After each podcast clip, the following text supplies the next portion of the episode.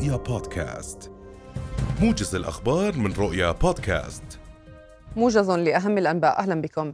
ضبطت إدارة مكافحة المخدرات عددا من المطلوبين والمشبوهين ومكرري قضايا الاتجار وترويج المواد المخدرة في البادية الوسطى ضمن حملة أمنية مشتركة نفذتها بعد جمع المعلومات الاستخبارية عنهم. الحملة أفضت لإلقاء القبض على خمسة أشخاص أبرزهم شخص مصنف بالخطر وضبط بحوزته 27 ألف حبة مخدرة و90 كف حشيش. فيما ألقي القبض كذلك على تاجر مخدرات وضبط بحوزته عشرة كفوف من مادة الحشيش وسلاحان ناريان. هذا وتعاملت كوادر مكافحة المخدرات مع قضايا نوعية في مختلف مناطق المملكة أسفرت عن القبض على عدد من المروجين للمواد المخدرة. قال وزير الخارجية الأمريكي أنتوني بلينكين أنه وجد في كل مكان ذهب إليه خلال جولته إلى الشرق الأوسط قادة مصممين على منع اتساع دائرة الصراع في الشرق الأوسط. وأوضح بلينكين في تصريحات نقلتها وكالة الأنباء الأمريكية أن زعماء تركيا والأردن وقطر والإمارات والسعودية اتفقوا على العمل لجهود مساعدة غزة إضافة إلى الاستقرار والتعافي ورسم مسار سياسي مستقبلي.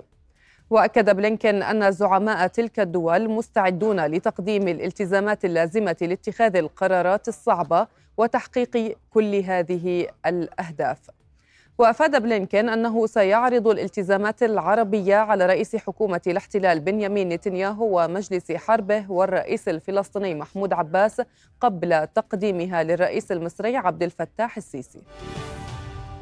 أفاد مراسل رؤيا بأن قوات الاحتلال الإسرائيلي اقتحمت مدينة نابلس شمالي الضفة الغربية وحاصرت مخيمي عسكر وبلاطة مشيرا إلى اندلاع اشتباكات مسلحة. إذا للوقوف على آخر المستجدات في الضفة الغربية وتحديدا في مدينة نابلس. ينضم إلينا من هناك مراسل رؤيا حافظ أبو صبرة.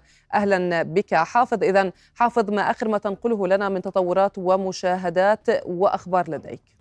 نعم إخلاص يعني نحن نتواجد في مخيم بلاطة الجزء الثاني من اقتحام قوات الاحتلال للمنطقة الشرقية في مدينة نابلس المحتلة في هذا الموقع بالتحديد اندلعت اشتباكات مسلحة بالتزامن مع وصول التعزيزات العسكرية التي دفعت بها قوات الاحتلال إلى هذا الموقع. هذه هذا مدخل حارة الحشاشين في الجهة الجنوبية من المخيم وهنا كانت الاشتباكات مندلعة بالتزامن مع عمليات تجريف قامت بها قوات الاحتلال للسواتر والأحجار الإسمنتية التي يغلق من خلالها المقاومون الطرقات في محيط المخيم ويعيقون عمليات اقتحام قوات الاحتلال للمنطقة في هذه في هذا الشارع الرئيسي وفي الأزقة المتاخمة. له كانت الاشتباكات المسلحة مندلعة في أكثر من موقع على مدار ساعة ونصف من الاقتحام الذي استمر هنا في مخيم بلاطة بالإضافة إلى مخيم عسكر القديم في الجهة الغربية من المخيم حيث اقتحمت قوات الاحتلال محيط حارة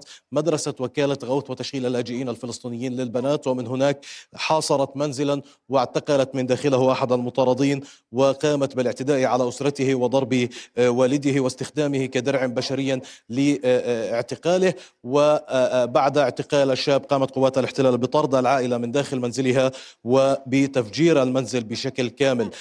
يحاول أبناء المخيم هنا في بلاطة إعادة العوائق الإسمنتية إلى مواقعها لإعاقة وصول الاحتلال واقتحامه للمخيم مرة أخرى مجددا في ظل أن عمليات الاحتلال واقتحاماته مستمرة. سأتحدث مع أحد الشبان الذين شاهدوا ما الذي جرى هنا. إيش اللي شفته بالضبط؟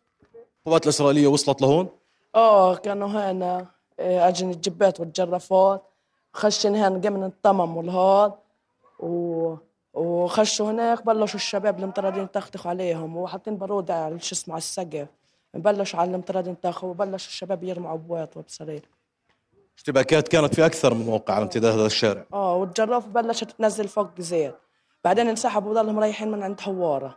ما صارش فيه ولا إصابات ولا اعتقالات. ولا شيء واحد من دار الخروف. شكرا حبيبي شكرا. اذا يعني هذا آه هذه شهادة أحد الشبان الصغار في هذه المنطقة. وتلاحظين إخلاص انتشار الأطفال في هذا نعم. الموقع. تماما كان المشهد في في في ذروة الاقتحام، اقتحام الاحتلال اقتحموا المنطقة هنا في ظل وجود الأطفال في الشوارع أمام منازلهم وكانوا بدأوا يلعبون ويعني يفتتحون يومهم في ظل إجازة منتصف العام الدراسي، الاحتلال اقتحم المنطقة، الأطفال هرعوا هروبا نحو أحضان أمهاتهم صوب منازلهم وكانت أصوات الرصاص مرعبة في محيط هذه المنطقة تماما كما حدث في مخيم عسكر، اذا محصلة بشكل ملخص. الذي جرى هو اقتحام متزامن للمخيمين ثمانية إصابات في مخيم عسكر وفق الهلال الأحمر الفلسطيني. من بين هذه الإصابات واحدة خطيرة إلى متوسطة في الخاصرة بالرصاص الحي.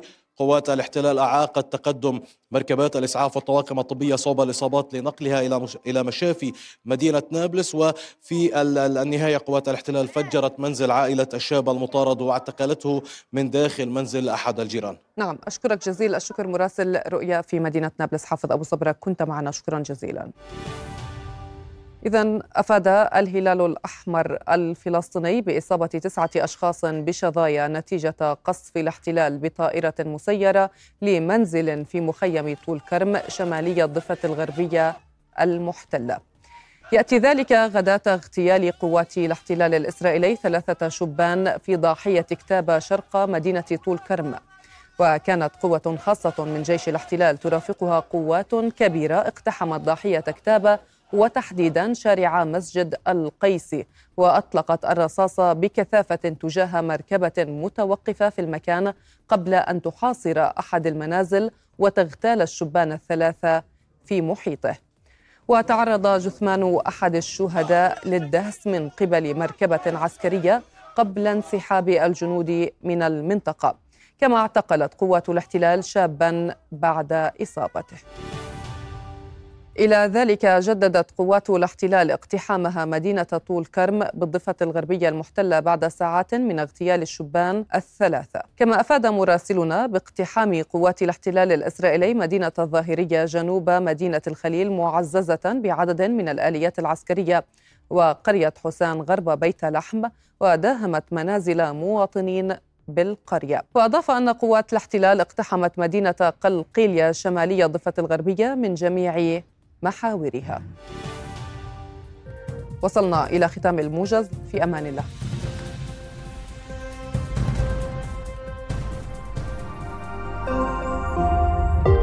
رؤيا بودكاست.